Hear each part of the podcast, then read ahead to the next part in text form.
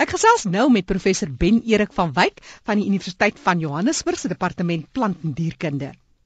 En hy is hierdie jaar besig met 'n wonderlike inisiatief waar hy gaan kyk na die mediese plantgeskiedenis van Suid-Afrika. Hy was sopas daar in die Wes-Kaap en het van die interessantste stories opgetel daar in die Handtam in Namakwa-land en ook in die Karoo. Prof, vertel ons bietjie meer van Genadendal se plante. Dis mos 'n unieke dorpie. Ja, dit is eintlik uh, uh, vir my 'n voorbeeld van hoekom dit dringend is dat ek hierdie werk doen. Genadendal is 'n wonderlike plek in die opsig dat dit die kultuur van die Khoi mense bewaar.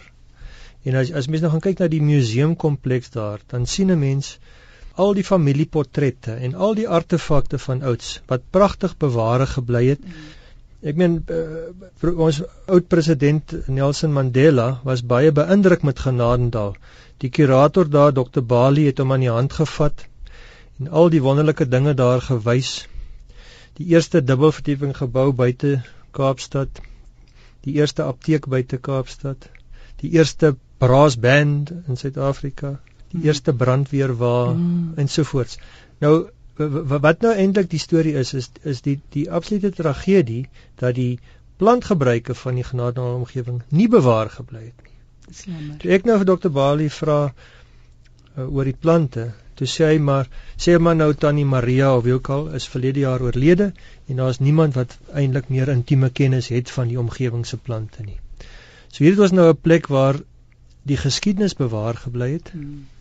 Maar die plantgeskiedenis het nie bewaar gebly nie. Maar uh, Mandela was so beïndruk met Genadendal dat hy moes toe nou Westbrook, die die residensie in Kaapstad herdoop het na Genadendal. Uh, sekerlik om erkenning te gee aan die belangrike bydrae wat die Khoi mense gemaak het tot ons land se geskiedenis en tot ons land se kultuur. Ehm um, daar's enkele aspekte van van die plantgebruik wat nog aktief is in Genadendal. Ek dink byvoorbeeld aan die wonderlike Genadendalse heuningbostee wat 'n mens daar kan koop ook. Daar word op 'n klein skaal heuningbostee gemaak op die ou tradisionele manier. Die ou mense het geglo jy moet blommetjies in die tee hê. Kyk, dis nie baie sal ek maar sê volhoubaar nie as jy nou die blommetjies pluk nie want uh die, jou, jou tee is half onegalig en en dan gaan die bossie mos nou nie saad ja. maak nie en so aan maar die ou mense het geglo jy moet die blommetjie bysit. Nou weet ek nie of dit die uh, deels die nektar in die blommetjies is wat 'n bydrae maak tot die soetheid van die van die bekende heuningbostee nie. Dis seker hoekom sy naam heuningbostee is, is omdat hy bietjie soos heunings maak. Maar die Genadendalse heuningbostee is baie lekker want hy het hy het hoofsaaklik blommetjies. Dis die een ding. Die ander ding wat wat interessant was vir my wat ek daar ontdek het is die gebruik van wille dagga as donkie medisyne. Nou nou dit is toe bevestig op ander plekke in die Karoo dat dat wille dagga is tradisioneel gebruik as 'n donkie siek word. Nou ek het nou nie spesifiek kon agterkom wat maak die donkie nie. Ek, ek neem maar die donkie is nou maar net mankoliek soos wat ja. ons nou ook maar party daar nie so lekker voel nie. Ja. En dan wat jy dan doen is jy vat jy 'n paar hande vol uh, dagga wille dagga blare, uh, takkies met blare, kook dit, maak dit die koksie en gooi dit in 'n bottel tot wag tot dit afkoel. Dit filtreer dit natuurlik, dreineer die water af en dan druk 'n mens die bottel in die arme donkie se neus. Mm, ag nee. En die, en jy en jy gooi dus die jy, jy doseer dus die donkie deur die neus wat ek nie geweet het nie. Dis baie interessant jy om hom nou te laat drink. Mm. Hy's dus geforseer om te drink as jy die medisyne nou deur die neus toe dien.